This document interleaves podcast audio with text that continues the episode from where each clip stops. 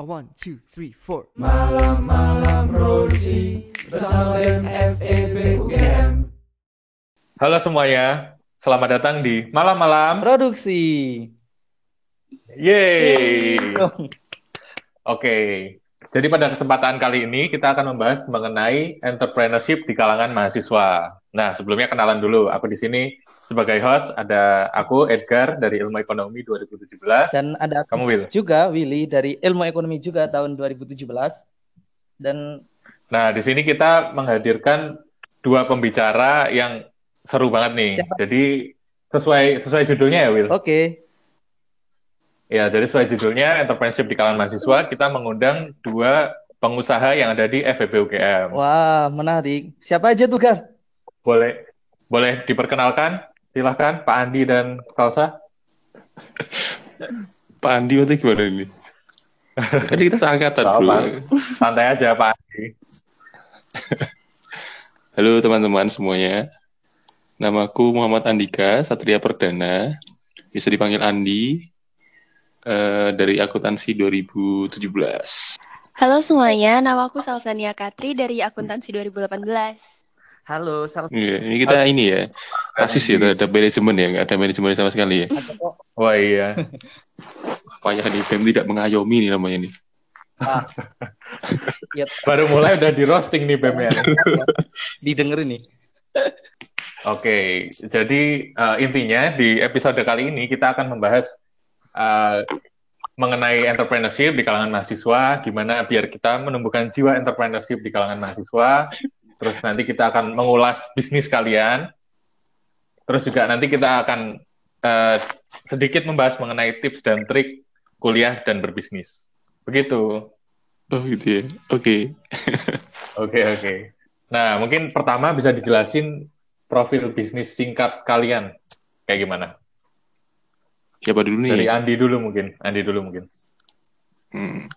Oke, jadi aku saat ini sedang menjalani bisnis juga kecil-kecilan sih sebenarnya dan sebenarnya tidak Hmm. tidak sengaja, bukan tidak sengaja sih apa ya, kayak tidak menduga akan terjadi. Itu namanya Essence, Essence Rice Box and Snacks. Jadi Essence ini adalah sebuah kedai kecil. Kita jualannya rice box, Hmm. berbagai rasa, ber- eh, berbagai topping dan kita emang collab sama dialek kita coffee buat nggarap proyek dari fakultas di UGM yang namanya EB Cafe. Jadi di dalam EB Cafe itu ada dua, mungkin buat Hmm. pengetahuan teman-teman juga yang yang mungkin belum tahu, belum familiar. Jadi EB Cafe itu ada dua dua brand ya istilahnya. Ada dialek kita coffee sama Essence. Nah, untuk coffee and coffee lah ya. Kita- tahu semua coffee kayak apa. Nah, Essence itu garap, garap di bagian kitchennya kayak itu. Oke, oke. Menarik. Pasti udah pada tahu semua lah ya anak FBB. Essence siapa Oh, yang gitu. Harusnya udah pada tahu. Edgar udah pernah coba belum ya? Udah lah pastinya. Will- Willy kayaknya belum ini. Udah pernah, Bu. Kan ada sering promosi, Bro. Oh udah pernah ya? Oh iya iya. Nah, berikutnya Salsa, silakan. Uh, kalau aku tuh ada bisnis online sama kayak punya Mas Andi kecil uh, di FNB juga.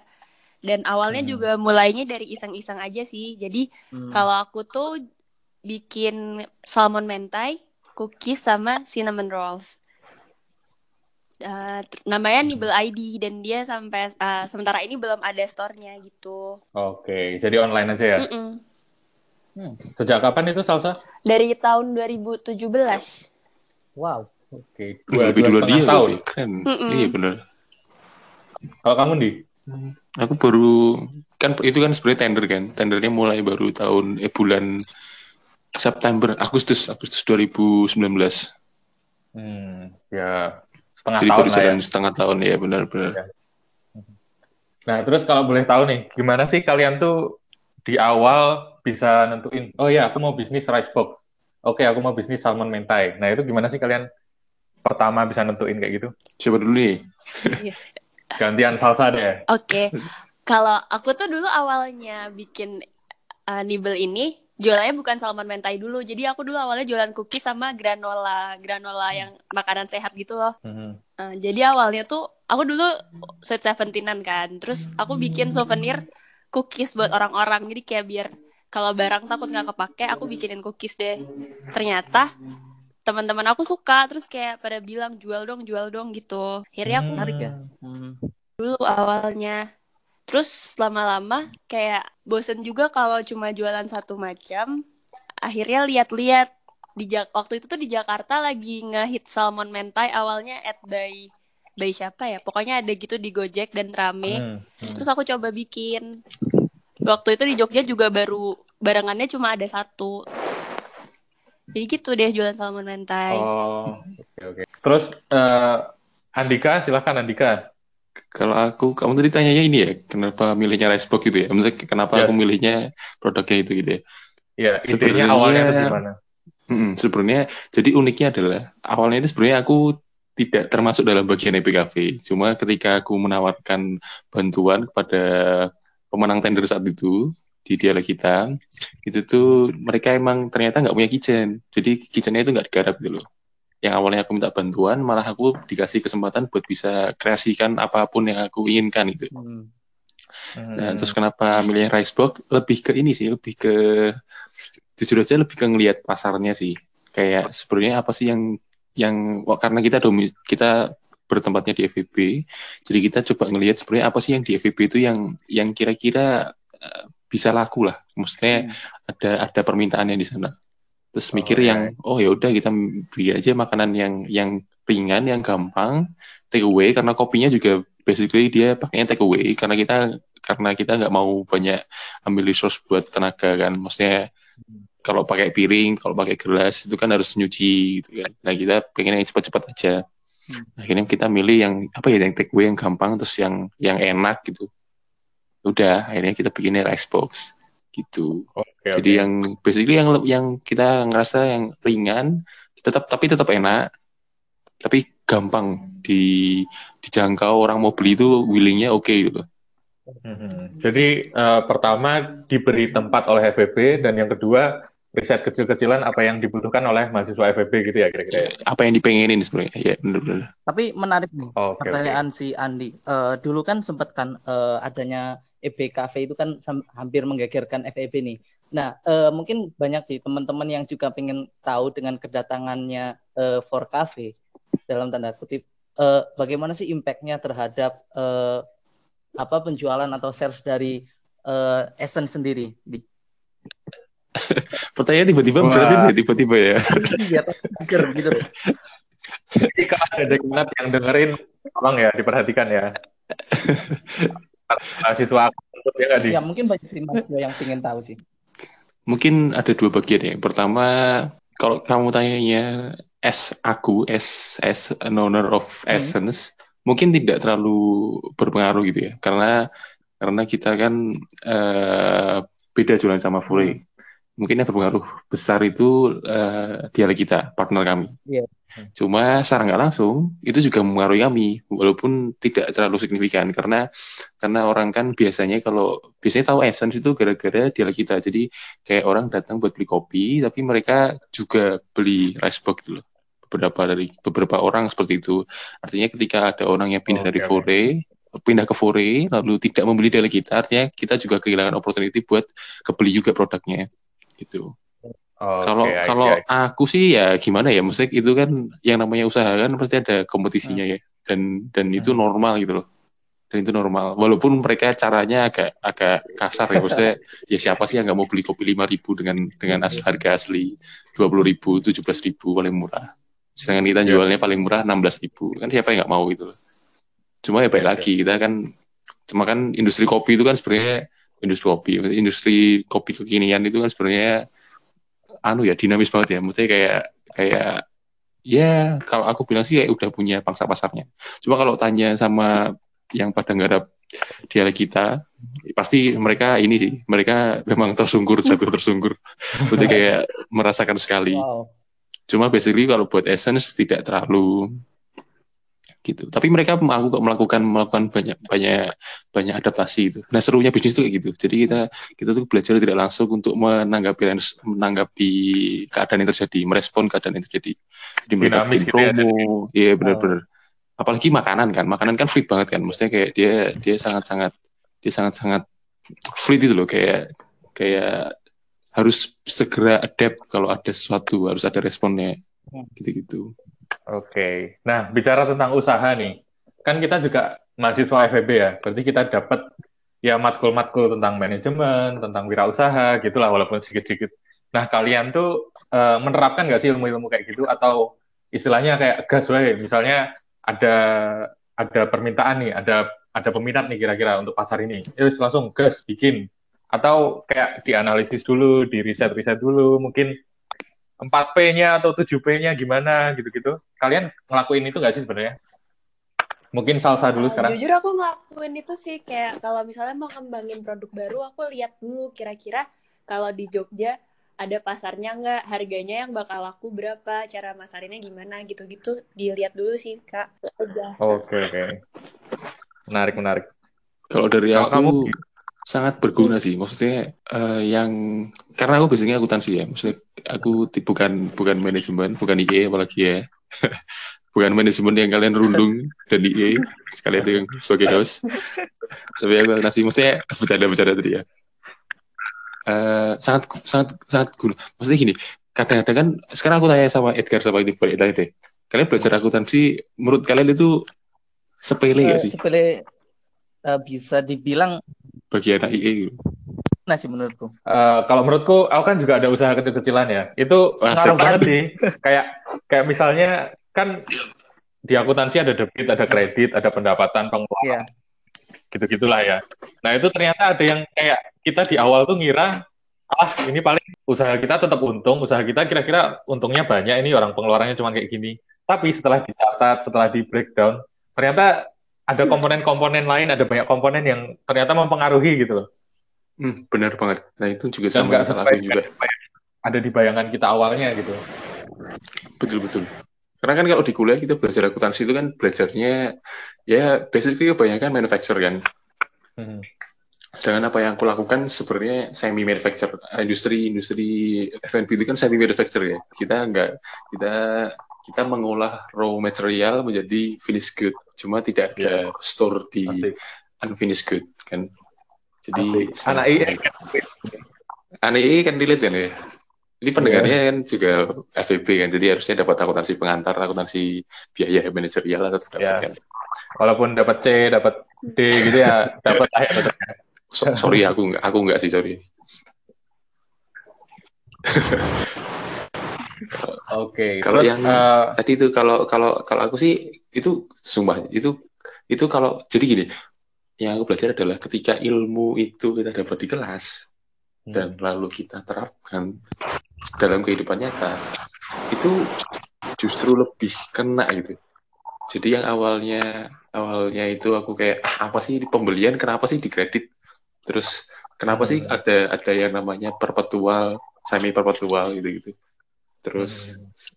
gimana sih kalau misal kenapa sih ada ya sederhana lah kenapa kenapa ada beban kenapa ada kenapa harus harus imbang itu ternyata ngaruh banget coy maksudnya itu itu satu hal yang satu hal yang berpengaruh kayak misalnya gini kalau aku mau kalau aku mau misalnya aku beli bahan baku kan aku kan bahan baku utama aku cumi aku cumi pesan dari satu kota di luar sana jauh pokoknya terus kan itu aku melakukan pembelian. Dan biasanya aku belinya itu utang. Terus terus ya udah dia kirim aku ambil. Aku belum bayar barangnya bayang, barangnya udah keterima. Hmm, terus iya, nanti baru ketika nanti sekitar di tengah-tengah bulan atau akhir bulan aku baru bayar bayar, bayar itu tuh mungkin sederhana ya mungkin sederhana tapi kalau dalam sisi pencatatan kalau kamu itu nggak catat dengan baik-baik kamu bingung kamu punya utang apa enggak itu nggak kerasa Iya, iya, iya. Mungkin, mungkin ini, ini aku obrolin praktikal ya, cuma nanti kalau teman-teman mungkin nantinya terjun dalam dunia bisnis itu bakal kerasa betapa oh ternyata nyatet utang dulu dengan kasnya kredit apa, mulai eh, kita debit eh, bahan baku cumi, terus kita kredit utang usaha itu seberpengaruh itu dibanding kita nanti kalau mau sederhana kan sebenarnya gampang ya, tinggal nanti pas bayar bilang aja cuminya masuk, terus nanti eh, baru ngurus kas, kan gampang banget ya. Tapi sebenarnya itu ngaruh, itu ngaruh ke nanti hasil laporan keuangan ya gimana kita bisa ngasih judgement sama apa yang kita hasilkan dalam laporan keuangan. Gitu. Iya, betul. Mungkin agak Setuju berat sih. omongannya, tapi it, it's happen, itu happen, itu beneran terjadi dan seru banget Iya, kalau kita bisa bener-bener praktekin kecil-kecilan gitu. Mungkin Gitu sih kalau aku. dari sudut pandang Andi yang udah semester 6 ya, tahun ketiga ya. Yang masih tua tuh. Nah, kalau misalnya Salsa nih, Salsa kan masih tahun kedua. Sebenarnya kerasa nggak sih itu ilmu-ilmu apa yang kita dapat, terus diterapkan di bidang bisnis itu gimana gitu? Kerasa sih mas, kayak uh, Hmm. cerita dari dosen. Aku kan Hmm. sekarang lagi ambil mata kuliah pemasaran. Kalau cerita dari dosen aku juga gitu, kayak banyak orang-orang di luar sana yang udah udah jadi mereka tuh terjun ke dunianya dulu cuma tanpa teori itu juga apa yang mereka lakuin kurang maksimal gitu jadi sebagai mahasiswa yang kita udah dapat teorinya dulu bener sih kata Mas Andi kayak seru banget kalau kita praktek dengan kecil-kecilan kayak gini jadi apa yang kita dapat di kelas tuh beneran bisa Oke, kita terapin dan Jadi kesimpulan kita sama lah ya ini. Tapi Nah. tapi ini boleh ini ya, Bro? Mm-mm. Disclaimer dikit. Emang bener setuju kalau melihat ada orang yang bilang statement kalau misalnya tidak semua ilmu yang kita dapatkan kuliah itu tergunakan, itu setuju, itu setuju. Cuma bukan berarti nggak ada yang nggak berguna. Mungkin itu sih revisi kalimatnya. Karena Ya, orang ya, sering bilang. "Alah, kuliah itu nggak guna gitu kan. Terus berarti basically itu berguna beberapa bagian kalau kita tahu gimana cara makainya. Ya. Dan kalau kita nggak salah jurusan juga. nah, ya. Loh, ini bukan ada bentuk dari salah jurusan ya. Harusnya kan kalau mau bisnis kan manajemen ya. Bukan Iya sih. ya. Iya. Kamu- Kan Anda menghina kami, ya. terus Anda Waduh. gimana? Saya juga IE. Mungkin kita masuk ke topik selanjutnya ya. Kita pengen mengulas lebih dalam antara bisnis. Ini kita kan punya dua narasumber yang di bidang sama F&B nih. Nah, kita di sini pengen mencoba mengulas lebih lanjut. Yang satu kan online dan yang satu offline. Nah, mungkin yang pengen kutanyain lebih dulu nih. Sebenarnya kenapa sih kok Salsa ini pilih platformnya online, sementara Andi pilih platformnya offline? Mungkin dari Andi dulu. Bukan milih sih keadaan kalau aku. Maksudnya itu bukan kalau saya pilih. Tapi kalau kalau kalau F&B emang sebenarnya yang lebih settle ya kalau offline. Maksudnya eh, ada tempatnya gitu loh. Karena kan karena kan eh, kalau F&B itu kan yang kan butuh makan, makan tuh experiencing-nya juga ada di lokasinya gitu loh. Dan ketika kita bisa langsung ngasih, bisa langsung serve makanan yang kita kasih ke orang itu kan eh, rasanya lebih lebih lebih hangat, lebih lebih lebih bisa langsung gitu. sih? Baru gitu. Gitu. Iya, Eh, benar. tapi Cuma sekarang cuma on- Ya. gimana gimana gimana Gar? saya bukannya sekarang kayak banyak yang mulai konsepnya Kayak- take away ya. Terus Oh, setahu bener, dulu bener. 11 coffee kalau Let's kalian tahu, Tosti coba teman kita. Tosti juga itu yang punya anak FBB juga itu setauku eh 11 enggak ya maksudnya. Jadi contohnya di sini 11 coffee sama Tosti itu kan konsepnya take away tuh. Jadi emang mereka nggak Hmm. bisa makan di situ kasarannya. Mereka hanya menyediakan tempat dan bukannya kalau take away itu justru cost-nya jauh lebih murah ya. Nah, betul. Justru itu pertimbangannya itu. Sekarang, sekarang kalau kamu coba tanya ke mereka, kalau mereka dikasih tempat yang lebih luas dan bisa ada tempat buat duduk dengan harga yang lebih reachable buat mereka, terjangkau buat mereka, pasti milihnya yang, yang lebih gede kok. Itu karena kalau aku menurutnya, menurutku karena emang pertimbangannya adalah pertimbangan cost. Gitu. Tapi ketika Oh, kita bisa oke. achieve bisnisnya lebih gede, aku yakin pasti mereka bakal bikin lebih gede. Nggak mungkin nggak. Karena itu Apalagi karena itu apa ya? mm, Cuma emang setuju benar banget. Dan aku emang sempat punya proyek tentang ini kan tentang takeaway. Jadi kalau teman-teman mungkin teman-teman udah familiar tentang cloud kitchen yang ada di Mhm. Indo, yang banyak juga di India di beberapa negara lainnya. Itu Yap. basically bahkan tidak ada tidak ada apa ya? Emang emang sekarang tuh arahnya lebih ke lebih ke mobilitas tinggi gitu loh Mhm. kenapa di kenapa di kenapa di Jakarta ada ada Jogja belum ada Surabaya masih beberapa masih meraba-raba beberapa pemain-pemainnya masih belum berani masuk karena itu lebih ke habit orang di sana habit pasarnya karena Oh, kalau oke. di kalau di mungkin di Jogja bentar lagi bakalan ada. Karena karena yang dikejar itu lebih ke apa ya simpelnya. Kan orang apa mobilitasnya tinggi. Mereka nggak bisa spare waktu buat makan di tempat jalan datang ke suatu tempat gitu kan. Waktu istirahatnya cuma satu setengah jam satu jam gitu kan. Makanya kan pendek. Makanya dengan ada take away gitu lebih laku gitu Tapi balik lagi itu kan ke habit pasarnya. Cuma kan kalau di Jogja emang nggak semuanya kayak gitu. Masih banyak orang-orang yang makan itu bukan untuk nyari cepetnya, tapi nyari waktu bisa ngobrol sama orang di dalam tempat makannya, sharing-sharing gitu-gitu. Setuju kan? Sama-sama gitu. Iya. Karena habitnya beda itu. Jadi tempat makan yang masih ada offline, oh, tempat duduknya itu lebih lebih sebenarnya masih lebih cocok di Jogja. Nyatanya kopi yang laku juga bukan kopi yang laku juga bukan yang take away kan. Maksudku yang rame-rame itu kan bukan take away kan. Karena value yang mereka hadirkan dalam kopi itu nggak cuma kopi enak dan cepat dibawa pulang, tapi juga obrolan di dalamnya, ketemu sama orang-orang dalamnya gitu-gitu termasuk juga. Ya, experience-nya juga. Nah, mungkin Gitu. ini Nah, menarik kalau kita pindah ke salsa nih. Salsa kan bisnisnya basicnya online nih. Nah, gimana kira-kira?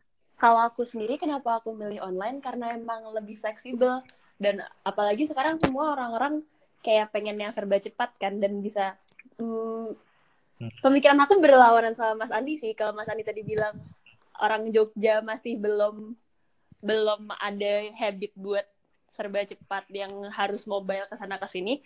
Sedangkan menurut aku itu udah ada kayak dulu sebelum ada coffee buka aku tuh sempat kepikiran kayak kenapa di Jogja nggak ada kopi yang Hmm. modelnya take away. Waktu kopi ada ada ada kopi tuku kan di Jakarta kayak tuku kan dia juga cepat berkembangnya terus habis itu waktu aku ngomong gitu kayak dijawab "Eh, kayaknya kalau di Jogja tuh belum butuh deh kayak gitu soalnya orang-orang masih butuh nongkrong berjam-jam Hmm. dengan pesan minum satu aja ya kan buat nugas gitu tapi buktinya kopi bisa ber eh, si kopi ini ada di Jogja terus ada kopi dan itu bisa berkembang cepat sampai punya cabang Mhm. udah Oke. ada empat Coffee itu juga take away ya sistemnya? Aku juga Coffee itu sistemnya take away juga ya? awalnya Hmm. yang Oh, pertama di Jakarta baru tahu. Tapi aku- kayak tempatnya Ah, kecil Terus? gitu. aku cari yes aku juga cari biar or- biar fleksibel dengan kegiatan aku juga dan orang-orang juga jadi kayak bisa Hmm. pesen terus bisa mereka bisa makan sambil di kampus gimana Ya, boleh apa? sih ngejawab kedua kan jadi eh, kalau misalkan kita ngomong tentang sebuah bisnis kan terkadang ada dua tipe nih. Kadang ada orang yang tipenya risk eh, taker sama risk averter. Nah terkadang juga orang kadang melakukan suatu hal untuk bisnis itu kan juga takut gagal kan. Nah aku mau tanya sih sebenarnya bagaimana cara mengatasi itu terus relate-nya ke bisnis kamu apa? Siapa dulu nih? Coba dulu, coba dulu. buat yang ceweknya dulu deh. Ladies first katanya. Siapa dulu kalau aku menurut aku sendiri dalam berbisnis Hmm. kita harus berani take risk dong kalau misalnya kita selalu menghindari risiko ntar Gitu. kapan mau Hmm. berkembangnya Setuju. Setuju, setuju. Kalau dari Oh, aku, kalau Mas Andi gimana kan kebetulan aku juga kebetulan juga se- sedang mengurusi eh, ikut bantuin teman buat manage Packers kan. Mhm. Jadi sekarang aku garap asset sama Packers. Hmm. Itu penting sih. Ini dua kebetulan dua-duanya F&B sama-sama F&B. Jadi tidak terlalu beda lah. Dan dan apa yang kita lakukan juga hampir sama. Kita kita ngalami yang namanya ketidakstabilan permintaan. Kadang-kadang ramai banget, kadang-kadang sepi gitu. Itu menurutku bagian dari risiko bisnis kan. Setiap setiap bisnis kan punya yang namanya inherent risk kan. Dia dia selalu punya risk risiko yang melekat pada dirinya. Gitu. Dan itu emang wajar. Justru itu malah tantangannya menurutku. Karena dan dan apa ya? Dan kalau menurutku yang yang bikin kenapa kita bisa survive itu lebih ke passion.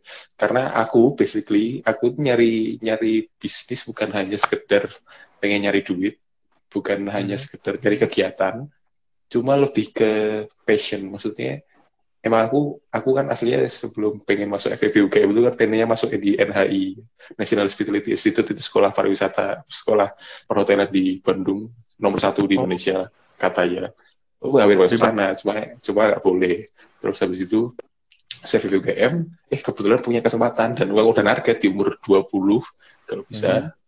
19-20 udah punya bisnis sendiri. Eh kebetulan nggak bisa. Dan itu lebih ke passion gitu loh. karena emang aku basic suka masak aku aku aku nyaman untuk melakukan ini. Walaupun kuliah walaupun melakukan sesuatu itu jadi lebih enak. Termasuk tadi itu termasuk dengan menghadapi risiko juga ada. Dan apa ya kalau kalau udah yang namanya passion itu nanti kalau masalah teknis bagaimana cara menghadapi risiko itu nanti bisa diasah sedalam dalam perjalanannya gitu. Dan dan itu pun kan kerja nggak sendiri kan. Ada beberapa orang yang bisa diajak diskusi. Kalau aku ya kalau aku ada beberapa orang yang bisa diajak diskusi buat nggak mas, untuk mencahkan suatu masalah bersama-sama gitu. Dan itu Tunggu, bisa dan di itu- bisa ya. dirasakan Itu penting untuk mempunyai orang yang bisa diajak buat berkonsultasi. Eh, Atau kalau enggak? aku kalau ah, ah, menurutku ya hampir semua bisnis itu pasti tim kok. Aku di Bakers bertiga aku di Essence ber berlima bahkan bahkan. Dan itu penting. Oke. maksudnya eh, kalau mungkin kalau, kalau lebih yang praktikal itu juga nanti terkait dengan eh, modal. Jadi kan modal. oke. kalau yang kalau secara yang lainnya humanisnya itu itu nanti bisa pasti jadi punya expert masing-masing. Misalnya aku bagian kalau misalnya di Essence ya ada orang yang ada ada satu temanku yang megang bagian supplier supplier khusus jadi dia nyari semua bahan-bahan. Dia belanja belanja juga. Ada yang bagian head cooknya. Dia dia orang yang megang resepnya. Walaupun semua bisa masak cuma ada dia ada orang yang pegang resepnya.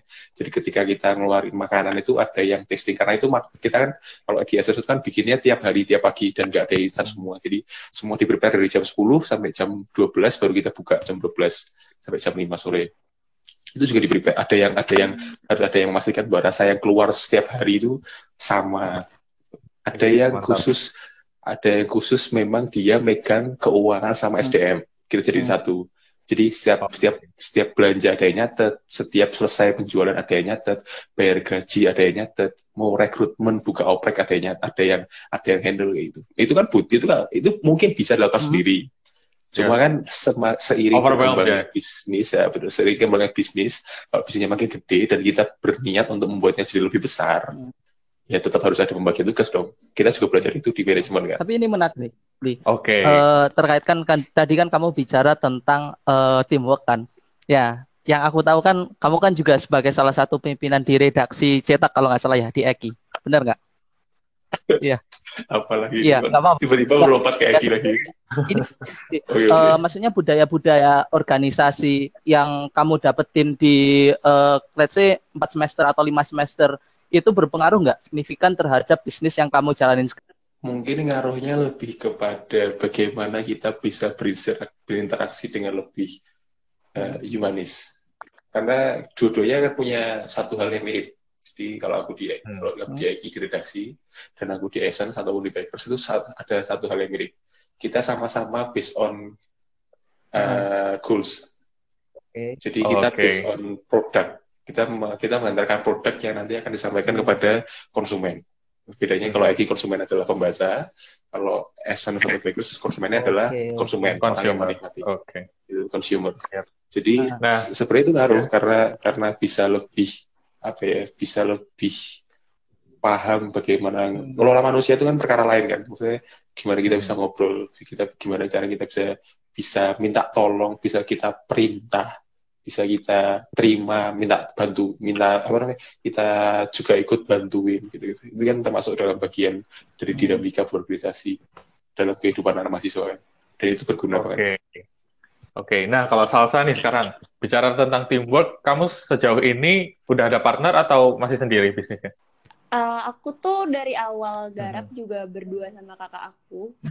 Dia eh, jadi aku handle keuangan sama pengembangan produknya. Kalau dia tuh handle Mhm. buat marketingnya. Dan kalau misalnya untuk tasting terus masak masaknya gitu sih kita Oke, bareng-bareng. berarti kita bisa tarik sedikit kesimpulan ya di sini bahwa bisnis itu penting adanya partner. Ya, setuju? Hmm. Nah, eh, sebenarnya partner di sini tuh gimana sih? Apakah emang kita tuh benar-benar harus punya orang yang klop banget gitu sama kita buat dijadikan partner?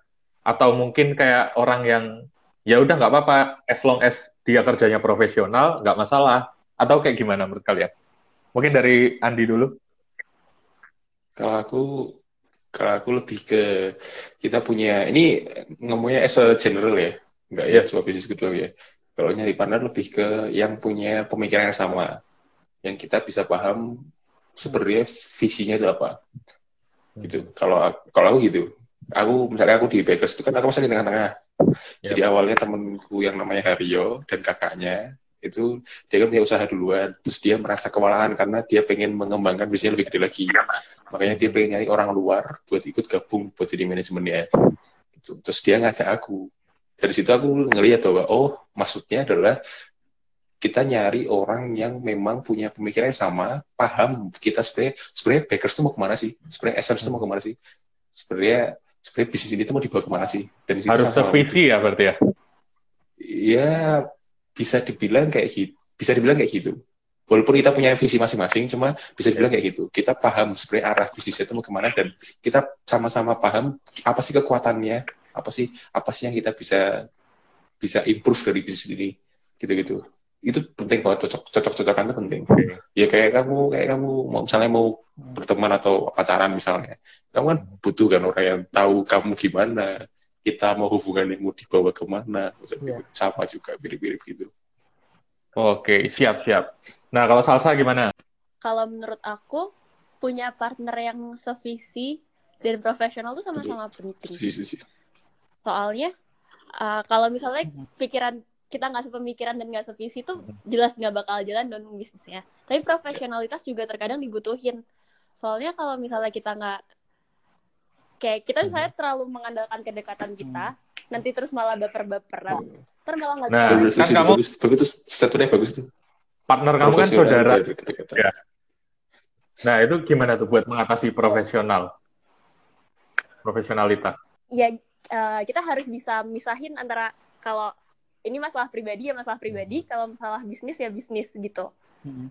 Karena kalau apalagi kalau misalnya kita urusan sama customer langsung kan, kalau misalnya kita ada masalah internal sendiri tuh nanti juga servis yang kita berikan nggak akan maksimal. Makanya kita harus bener-bener sadar kalau uh, Oke, bisnis bisnis, berarti pribadi ya punya pribadi. partner yang merupakan saudara kandung sendiri itu ya sebenarnya nggak masalah ya? Ah, Oke, Tapi oke. pernah nggak ngalamin konflik terus habis balik itu emang bener-bener masing-masing. eh, kayak gimana ya sebuah konflik yang emang bener-bener milik ke kalian berdua terus de- terus masalahnya tuh eh masalahnya bener-bener gede dan kalian udah beda gitu. Let's say ada customer kalau kalau si Andi bilang kan tadi kan ada perbedaan eh, visi dan lain-lain. Tapi kan ini kan bisnis kan eh, dalam kan dia dinamis kan. Dia bergerak sesuai zamannya. Nah setelah bergerak kan eh, pasti pasti di tengah jalan itu kan bakalan ada eh, penyesuaian, ada yang harus diganti. Dan mungkin pernah nggak sih kalian ngalamin kayak beda visi di tengah jalan, terus gimana cara kalian eh, ngatasi konflik tersebut? Nah, alhamdulillah sejauh ini belum pernah ada konflik yang gede banget sampai nggak bisa dipecahin langsung sih mas. Amin, amin. Amin, amin. Malah berdoa gini kita sama, amin, amin, ya Allah. Eh, Oke, makasih. sekarang aku pengen menyinggung kembali masalah yang tadi sempat disinggung sedikit di, di pertanyaan sebelumnya, yaitu terkait dengan modal. Nah, kan buat kita yang pengen mulai usaha nih, banyak yang menjadikan modal itu sebagai excuse, alasan buat kita tidak melakukan usaha. Kayak misalnya Banyak pengen itu. melakukan usaha A, tapi ah, nggak ada modal nih, nggak ada duit. Nah, menurut kalian nih, modal itu sebenarnya penting nggak sih? Salsa dulu kali ya. Ah, Pertanyaan, Oke. pertanyaan juga salah, Gar, BTW, Modal penting apa enggak? Ya penting lah, buat bisnis penting. Gimana sih? Ya kan, Pertanyaanmu itu naik sekali, bro. Itu ya penting, modal. Ya, ya. Modal apa penting? Kurang tajam. eh I mean kayak itu akan sa- satu faktor yang kayak eh, ngaruh bukan ngaruh banget apa ya? Signifikan banget apa enggak sih? Hmm. katakanlah kita nggak punya modal nih. Nah itu sebenarnya kita bisa nggak sih mulai menjalankan usaha membangun bisnis gitu? Sebenarnya modal tuh ya penting penting banget. Kalau nggak ada modal kita nggak bisa ber- mulai berusaha. Cuman besar kecilnya modal itu yang nggak bukan jadi penghalang buat kita Hmm. mulai berbisnis.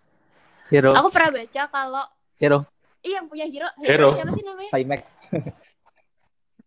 Bob Bob Sadino Bob Sadino bukan eh Vero Bob Sadino punya Iya, iya. supermarket apa gitu namanya lupa Telur ayam. Iya kan? bener. si Bob Sadino Ah. ini tuh dulu awalnya cuma jualan telur keliling. Heeh. Modalnya cuma nggak sampai seratus ribu.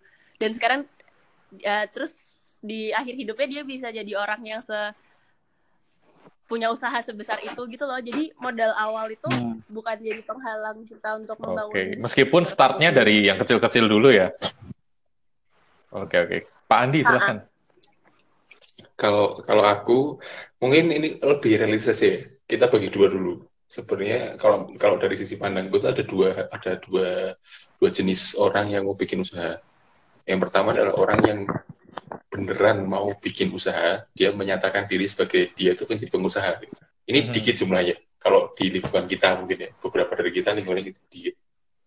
Tapi ada orang yang memang dia bikin usaha cuma sekedar buat apa ya seru-seruan di masa kuliah atau kayak jadi aji mumpung aja kayak, wah lagi ada jualan ini nih atau misalnya "Ah, aku lagi gabut nih butuh lagu sesuatu gitu tapi akhirnya nanti dia jadi pegawai pegawai perusahaan biasa gitu Udah Mungkin korporat. gitu. Iya, udah korporat ya. Aku nggak bilang loh ya. Edgar yang bilang ya. Edgar Iya, itu 17. itu dua itu. Dan kalau kalau aku bagi dari jadi dua ini, itu akan beda. Orang yang memang niat mau bikin usaha beneran dan dia emang pengen jadi pengusaha dengan orang yang hanya sekedar membuat usaha atau entrepreneurship itu sebagai mengisi kegiatan waktu luang, itu nanti bakal beda. Termasuk nyari modalnya. Menarik Oke, nih. Maksudnya beda nih gimana nih? Beda itu nan ini masalah ke ini kayak kayak kalau teman-teman belajar tentang ke going concernan jadi kita tuh merasa bahwa apa ya gini nih misalnya kamu pengen kamu pengen kamu pengen yang misalnya gini hampir kayak- kita nggak ini nggak sih nggak nggak naik nggak sih nggak menutup nggak menutup diri bahwa hampir sebagian di FVP itu pengennya kerja di perusahaan kan? Bener nggak Ya, kalau sebagian sebagian besar manajemen dan akuntansi ya mungkin kalau iya mungkin ada beda karena jalurnya mungkin ada beberapa yang beda nggak usah langsung ke perusahaan pemerintah gitulah ya mungkin. ya misalnya pemerintah jadi pegawai yang misalnya bergaji lah istilahnya Yes. dan hanya sebagian kecil mungkin dari kita yang memang pengen buat bisnis berbisnis jadi entrepreneur Mhm. betul kan itu beda cara pikirnya ada ya banyak ya gampangnya kayak kamu tahu kamu pengen bisnis ya kamu bakal mati-matian buat bikin bisnis karena apa yang kamu gantungkan adalah mengharapkan diri jadi bisnismen gitu. Sedangkan kalau kamu mau ngisi waktu luang ya mau nggak mau mau se mau se gimana gimana pun nanti pasti ya pikiranmu gimana caranya aku bisa daftar kerja sebelah sana dengan dengan pengalaman yang aku punya itu lebih ke sana. Tapi nggak nggak menutup nggak menutup kemungkinan juga bahwa nanti ketika udah masuk gitu nanti dia tiba-tiba oh ternyata bisnisnya bisnisnya laku ya terus aku lanjutin. Ada kayak gitu case-nya. Nah kaitannya sama nyari modal sebenarnya kalau kita beneran mau nggak mau kalau mau bisnisnya beneran dan mau mau jadi entrepreneur itu pasti lebih akan lebih akan jor-joran. Kalau kalau aku pribadi ya kalau aku pribadi ya kalau mau bikin bisnis itu nggak mungkin sama yang namanya hampir nggak mungkin sorry hampir nggak mungkin sama yang namanya nggak nggak nggak punya yang namanya utang. Dan utang itu pasti beberapa pasti berapa dan itu Oke. itu tetap masuk akal itu masuk akal karena kalau kita mau mau bikin bisnis nggak utang kita nggak punya kecuali kita lahir dengan keadaan kaya raya jiwa sentosa gitu ya ya ya beda ceritanya anaknya Anaknya ya, misalnya, atau anaknya Hartono gitu ya. siapa gitu yang kayak ya beda ceritanya cuma kalau kita misalnya punya emang emang berdiri from scratch aku sebenarnya aku scratch tetap butuh pendanaan lain kok. Nggak mungkin nggak nggak mungkin nggak butuh pendanaan lain. Dan kalau kita ngomonginnya bisnis emang mau dibuat gede sekarang tuh banyak banget eh, platform yang bisa kita gunain buat dapetin modal. Misalnya venture capital sepertinya kalau mau dibikin besar itu. Itu bisa berguna banget. Hmm. dan uniknya aku itu eh, juga juga mengalami itu. Eh, awalnya aku dulu nggak tahu sebenarnya gimana sih bikin bikin bi- kalau misalnya aku mau jadi bisnismen tuh aku bisnis bisnis itu modalnya dari mana sih? Terus aku ikut lomba, terus aku diketemukan kesempatan mengetahui sebenarnya apa sih venture capital itu atau sebenarnya gimana sih utang itu. Karena kan sebagian besar dari kita merasa itu momok kan kayak ah gimana sih nanti nanti aku takut kalau nggak bisa bayar lalala gitu. Tapi sebenarnya kalau kita punya kita punya bisnis yang jelas, model bisnis yang jelas, itu bisa banget menjual ke orang-orang yang si modal. Kalaupun misalnya nggak kayak gitu, misalnya ngajak aja. Misalnya kalau aku ya, kalau kalau aku di satu bisnis yang bilang tadi, itu kita harus dapat pendanaan dari orang karena emang bisnis model kita yang kita yang kita berikan itu bagus. Kita bisa ngasih, kita bisa ngasih eh, laporan penjualan yang meningkat. Kita bisa ngasih ini loh kita ada pembeli tetap kita tuh segini jumlahnya segini gitu. Dan kita kita pede kalau nanti di di beberapa bulan ke depan, beberapa tahun ke depan punya penjualan segini dengan jumlah pembeli tetap segini gitu. Ketika bisnis model kita oke, itu Oke bagus oke. banget sih. Contoh yang paling dekat sama kita nanti mungkin bisa diajak juga di podcast itu misalnya si Ya. Afer Hastin itu dengan Ren dan Tostinya. Itu mereka jangan kira itu dari modal sendiri, tetap pakai modal sendiri, cuma pasti juga butuh pendanaan dari luar. iya. Itu juga belajar itu kan di manajemen keuangan. Aku juga, Sumber pendanaan apa modal itu cuma aku juga ada sendiri. teman sih dan diceritain sama dia kalau eh, dia kan punya usaha nih. Nah, usahanya tuh udah punya beberapa cabang gitu. Cabang secara offline. Mhm. Nah, di sini dia buka cabang itu, kenapa dia bisa buka cabang dan tempatnya strategis dan bagus? Itu karena itu ada kerjasama dengan investor sebenarnya. Ya betul sekali. Makanya kalau kita Dan cara juga lagi kita kerjasamanya itu di bab- ya tentang bisnis yang beneran, tidak hanya sekedar waktu luang ya. Iya, Tidak hanya sekedar bisnis yang mencari me- mengisi waktu luang itu sebenarnya opportunity-nya gede banget coy. Ini banyak sekali kesempatan-kesempatan buat bisa uh, gaining money, gaining gaining capital buat usaha kita tuh banyak banget sebenarnya. iya, iya, itu menarik banget sih. Terus berarti eh, pendanaan tuh ya sebenarnya pinter-pinternya kita nyari ya. Sebenarnya ada ya yang mau mendanai ya. Banyak bro, banyak, Iya. banyak, banyak, banyak. Malah banyak ya. Karena ya tadi balik lagi ke kalau teman-teman belajar di manajemen belajar tentang bisnis canvas, bisnis model canvas, yang paling penting kan kita gimana Hmm. caranya kita bisa ngasih unique value proposition dari produk yang kita punya. Gitu kan. Kalau cuma sekedar Ya. ngikutin, bisa sih jadi follower, market follower gitu, bisa bisa aja. Misalnya ada yang jual kopi, kita kita jual kopi. Tapi kalau misalnya yang punya salsa ini misalnya, salmon mentai. Di Jogja siapa sih yang jual salmon mentai? Itu kan punya unique value proposition sendiri. Dan bayangin aja, misalnya aku bayangin misalnya kalau bisa dibuat dibuat di packagingnya bagus, terus bisa bisa misalnya bisa bisa rasanya itu bisa punya kesan yang berbeda buat para para yang menikmati itu. Itu pasti laku banget sih, bisa laku banget. Oke, oke. Menarik, menarik. Nah, mungkin bicara tentang investor nih, berarti kan berarti kaitannya dengan hubungan dengan orang lain ya. Nah, kalau kita bicara hubungan dengan orang lain, networking gitu ya mungkin istilahnya, itu seberapa pengaruh sih sama bisnis sebenarnya? Ngaruh banget lah. Kalau dari aku ngaruh banget.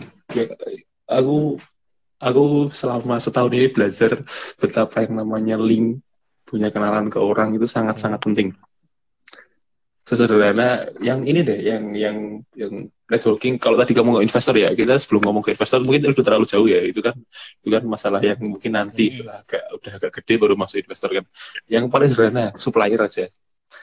Aku punya aku punya kenalan yang bisa ngasih link ke supplier-supplier gitu. Itu buat bisnis, terutama buat F&B, yang namanya supplier itu udah sangat-sangat penting banget. Karena karena bisa bisa Oh. bisa nekan kos.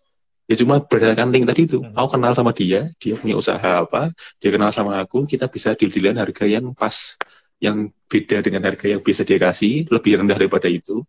Tapi dia tetap masih untung, dan aku juga dapat harga yang sesuai sama dia, karena aku bisa jadi pembeli tetapnya dia. Itu kekuatan link, itu kekuatan link. Dan kalau aku nggak punya link itu, sebenarnya aku juga nggak bisa buat lakuin bisnis ini sebenarnya. Jujur aja, nyari harga ayam sama cumi yang stabil, cumi yang terutama, nyari harga cumi yang stabil itu susah banget, bos. Dan itu Iya. penting banget, Bahkan dan link. sih di di Jakarta tuh udang Hmm. udang itu kayak di mafia gitu dalam tanda kutip di mafia gitu. Jadi uh, harganya ya tidak seharusnya. Ya, betul-betul. Kalau dari salsa gimana? dari aku juga eh, link tuh penting banget karena eh, Jogja ini kan kecil ya. Mhm. Jadi worth kalau misalnya kita punya link yang kira-kira bisa membantu kalau di aku sih link lebih membantu buat marketing kayak word of mouth tuh pinter- penting banget Mhm. apalagi eh, apalagi bisnis aku online Setuju, kan. setuju.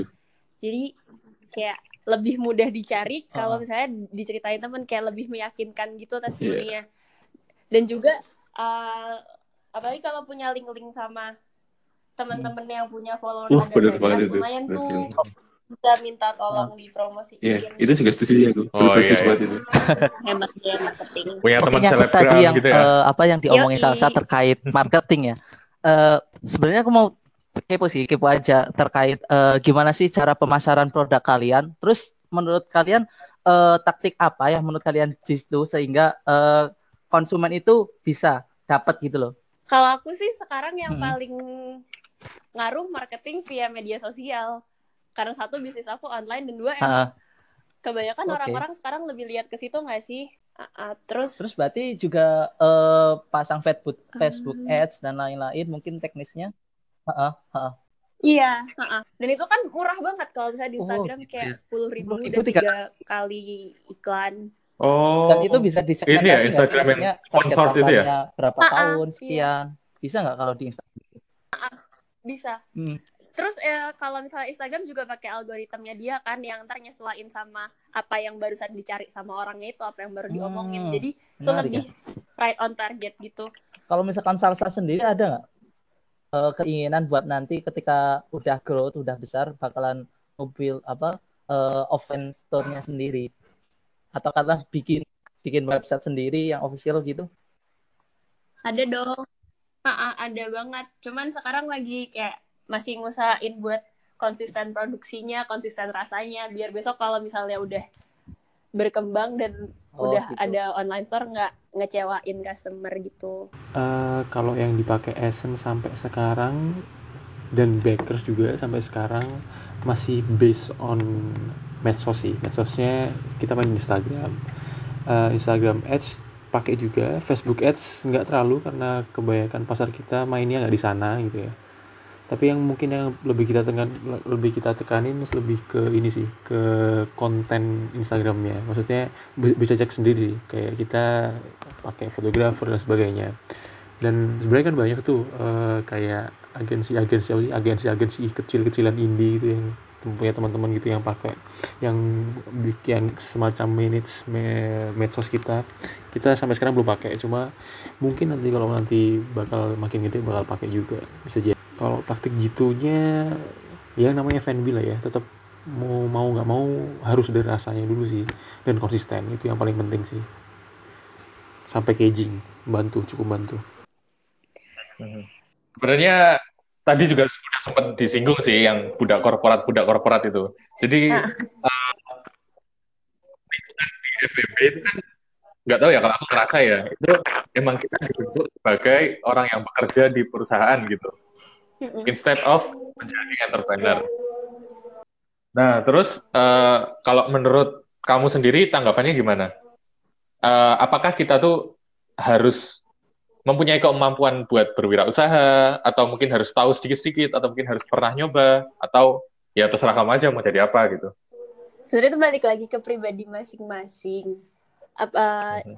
kan kayak banyak orang yang pengen kerja di perusahaan aja karena pengen aman kan, pengen punya pendapatan yang stabil. Apalagi kalau kayak sekarang nih, uh, lagi ada pandemi kayak gini, banyak bisnis-bisnis yang mati. Jadi bikin orang makin takut ber- berwirausaha kan. Menurut aku sendiri punya pengetahuan tentang kewirausahaan tuh penting. Cuman bukan berarti kita harus pernah nyoba dan punya pengalaman di bidang itu sih untuk untuk ngembangin bisnis sendiri tuh bagus apalagi di Indonesia yang banyak eh yang lapangan pekerjaannya juga terbatas Oke oke. Jadi eh, intinya ya yang penting punya pengetahuannya dulu ya yang utama ya. Perkara nanti mau gimana ya terserah balik lagi ke orangnya karena itu menyinggung lagi ke risk averse dan risk taker tadi ya. Ah, ah. Masalah kestabilan gaji, siklus bisnis yang naik turun gitu-gitu ya. Oke oke. Kalau menurut Andi sendiri gimana? Eh, aku ngelihatnya nggak ini sih nggak yang dualisme atau apa ya nggak yang dikotomi gitu ya yang dikotomi tapi lebih ke sebenarnya banyak kok platformnya sebenarnya banyak kok caranya eh, fakultas. Dan justru kalau mikirnya gitu kebalik sih menurutku. Bukan fakultas yang memberikan apa tapi kita aja yang explore itu. Selama kita mau explore selama kita tahu apa yang kita pengenin akan mudah untuk mendapatkan jalan dan kalau masalah kalau mungkin tadi pada tanya pada bilang kalau diarahkan ke begitu perusahaan ya mostly setuju. Cuma eh, ketika kita punya willing untuk melakukan apa yang kita senangi ya passionin itu terbuka jalannya. Bisa banget bisa banget. Dan banyak loh sebenarnya dosen-dosen yang yang yang juga punya interest ke sana buat bisnis itu banyak sebenarnya. Dan kita pintar-pintar aja. Dan jangan lupa bahwa kita punya lingkungan yang sangat-sangat kondusif di FEB buat bisa belajar. Ya nggak cuma FEB sih UGM juga.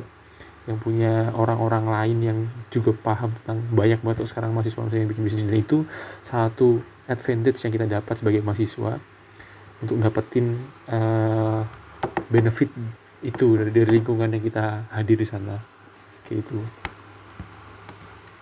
kalau tingkat pengetahuan kewirausahaan ya hampir semua wirausaha itu tidak belajar dari kampus kita belajar dari kampus mungkin yang lebih lebih hal teknis kayak misalnya accounting costing terus manage manage expense terus modal gitu gitulah itu penting itu penting itu kayak nandinya kalau aku bilang ya belajar itu penting cuma kalau uh, yang lebih general secara secara secara praktikal itu lebih banyak hal-hal di luar akademis. Nah, terus uh, ngomongin bisnis nih. Kalau kita ngomongin bisnis, apalagi kita sebagai mahasiswa, itu kan opportunity cost ya. Iya. Nah, aku juga sempat ngobrol sama salah satu temanku yang dia entrepreneur sukses gitu di Jogja, salah satu yang sukses, bahwa dia tuh bilang kalau uh, sebenarnya dengan kita berwirausaha itu kita belajar banyak sekali, bahkan bisa dibilang jauh melebihi apa yang kita dapat kalau dari kita ikut kepanitiaan, ikut organisasi, gitu-gitu. Nah, kalau menurut kalian sendiri nih, gimana sih dengan statement kayak gitu tuh? Jujur menurut aku, iya sih ini trade trade off waktu juga kayak kita harus ngeluangin pikiran buat mikirin usaha kita terus masih ada kuliah masih ada organisasi mm -hmm. cuman emang banyak yang kita pelajarin dari satu dari belajar manage waktu sendiri kita udah dapat keunggulan kan dibanding yang lain terus apalagi kalau yes. misalnya kita ngalamin kegagalan di bisnis rasanya tuh pasti beda sama apa yang kita rasain kalau misalnya kita ng ngalamin kegagalan saat ngurus event atau ngurus organisasi karena kalau misalnya kita ngurusin event, ngurusin organisasi itu masih ada banyak yang nge-backup, masih ada teman-teman banyak kan di situ, terus masih ada dari pihak fakultas juga. Cuman kalau untuk bisnis itu lebih ngena dan bikin kita lebih berhati-hati juga. Menurut aku pribadi. Oke, oke. Kalau Andi gimana Andi? Silahkan. Enggak juga sih. Uh, kalau aku lebih ke menganggap bahwa kampus itu adalah ladangku buat nyari kesempatan sebaik-baiknya dan sekali lagi nggak bisa didikotomi lagi bahwa kampus itu isinya tentang kalau nggak usaha, event, organisasi atau akademik nggak nggak nggak kayak gitu. Banyak banget spektrumnya dan setiap orang punya spektrum masing-masing. Dan justru di kampus di fakul di di kampus kita di mana kita belajar itu kita bisa buat lebih uh, explore lebih dalam. Jadi kan sebenarnya pada dasarnya kita kan mencari makna di kuliah itu apa kan. Dan makna itu muncul ketika kita menjalani sesuatu selama perjalanannya. Ketemu orang dapat kesempatan ini nyobain itu nyobain ini melakukan ini dapat program ini gitu, gitu. itu secara tinggal langsung akan menciptakan proses pencarian makna kita asik. Tapi itu sih. Jadi uh, lebih menguntungkan atau enggak nggak bisa dibilang gitu juga cuma uh, bagi orang-orang yang memang punya hasrat untuk melakukan bisnis dan mandiri itu sangat-sangat uh, nyaman lah kalau menurutku untuk dilaksanakan di masa-masa kuliah dan dari sekarang dan bagus banget buat bisa mulai bisnis dari sekarang.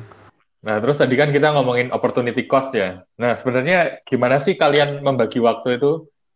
Uh, istilahnya kita kan mahasiswa juga kita punya tanggungan tugas, apalagi akuntansi banyak banget gak sih tugasnya? Mm -mm. Setiap nah itu ada tugas mingguan, summary, kuis-kuis dan lain sebagainya. Nah itu gimana sih nyimbangin antara bisnis dan uh, kuliah akademik dan kesibukan-kesibukan lainnya tentunya. Kamu imagama kayak misalnya Andi Eki, itu gimana tuh? Sejauh ini salah satu keuntungannya bisnis online di aku tuh ya itu. Jadi aku lebih fleksibel dalam mengatur waktu aku. Aku nggak harus jaga stand 24 jam sehari. Jadi itu. -huh. jadi keuntungan sendiri sih buat aku. Kalau Mas Andi mungkin beda. Kamu gimana, Di? Um, ini tricky sih sebenarnya pertanyaannya. Cuma baik lagi. Kalau oh ya aku ini sharing-sharing kan ya. Aku pernah dikasih tahu sama guru ke SMA. Ada ada ada salah satu guruku di SMA yang dia pernah ngasih tahu gini karena kebetulan aku di SMA juga udah cukup aktif. Edgar mungkin juga tahu ya. Cukup aktif di di sekolah dan sampai sekarang juga masih ke bawah dikit-dikit lah ya. Itu dibilang gini kalau masalah dunia kita bisa sekuler. Maksudnya adalah ketika aku kelas ya full atensiku buat kelas. Aku nggak mikirin bisnis aku nggak aku nggak mikirin esen nggak mikirin usaha yang lainnya nggak mikirin eki ketika aku Eki aku mikirin Eki ketika aku bisnis aku ketika aku di dapur aku masak ya aku fokus buat bisa maksimalin bisnisku gitu. Jadi mikirnya gitu dan itu sangat-sangat membantu buat kita bisa lebih fokus.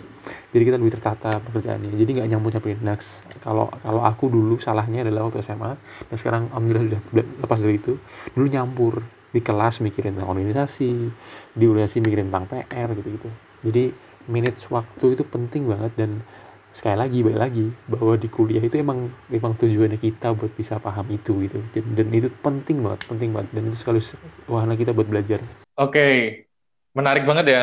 Terakhir nih, pertanyaan terakhir nih. Cita-cita ke depan kalian apa? Pengusaha atau budak korporat atau apa? Sebenarnya cita-cita aku dari kecil emang pengen jadi pengusaha sih, soalnya lihat kayak wah jam kerjanya fleksibel, terserah mau ngapain. Ternyata nggak juga sih waktu udah dijalanin.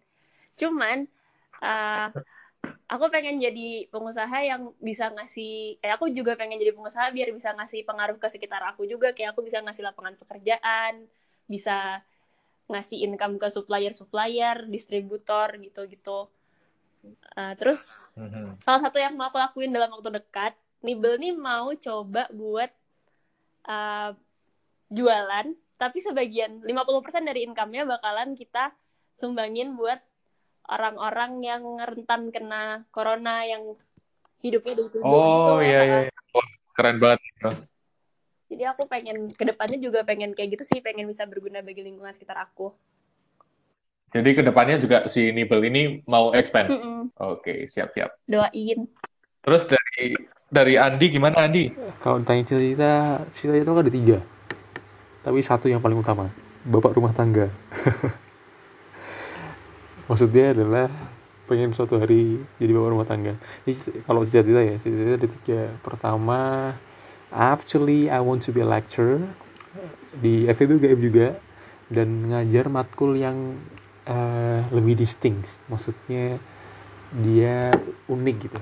Kalau aku sampai sekarang kepikirannya aku karena aku kebetulan juga punya interest sana aku pengen ngajar di uh, manajemen hospitality and tourism gitu. Manajemen ya akun padahal cuma ya pasti kan ada bisnis bisnisnya kan masih nyambung lah ya akun-akun itu. Pengen jadi pengen mau jadi lecturer cuma kalau pengen ngajar matkulnya bahkan udah udah tahu pengen ngajar itu. Karena aku juga studinya pengennya juga lanjut ke sana. Insya Allah rencana sampai sekarang ya siapa tahu bisa berubah kan kita kan udah berubah. Terus selain itu ya sekali lagi karena aku emang basically want to be entrepreneur aku juga pengen punya usaha sendiri. Dan udah ngerancang dikit-dikit dari sekarang sebenarnya sebenarnya essence dan nanti ada satu project lagi yang bakal aku launching juga doain aja. Itu juga termasuk bagian dari milestone yang pengen aku bangun buat mencapai mimpi besarku di di umur sebelum 30 nanti yang pengen bikin uh, apa ya, aku nyebutnya ekosistem gitu.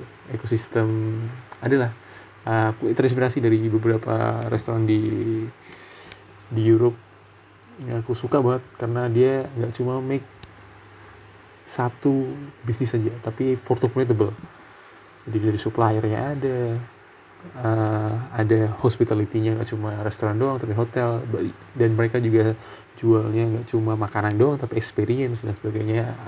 Di masa depan nanti aku juga pengen bikin ekosistem gitu semacam itu.